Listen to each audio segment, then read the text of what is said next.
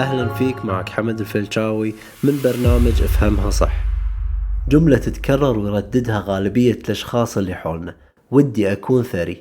بس تلاحظ وايد ناس يحلمون بالثراء بس ما يملكون المقومات اللي تساعدهم لتحقيق هذا الحلم أو يملكون بعض القناعات اللي تمنعهم من تحقيق الحلم.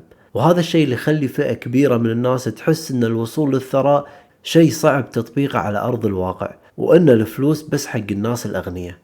بس أحب أقول لك أن الكون بوفرة والمعيقات حق كسبك للمال مو خارجية هي تتعلق بشكل أساسي بطريقة تفكيرك وعقليتك. كنت ألاحظ من وأنا صغير أن في شخص دائما الله يرزقه فلوس ومع أنه ما يسوي شيء مختلف أو مميز لكن كان يتصرف بدون معتقدات معيقة وخوف أن الفلوس بتخلص. ولما كانوا الناس اللي حوله يقولوا له أنت إذا صرفت هالمبلغ شلون بتصرف على الأمور الثانية؟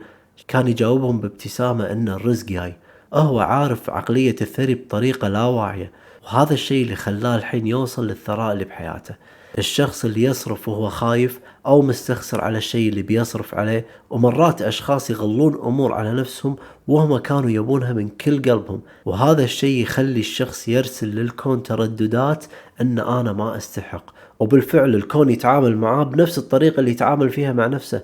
الحين أبيك تلاحظ تصرفاتك اليومية وشنو هي الترددات اللي قاعد ترسلها للكون؟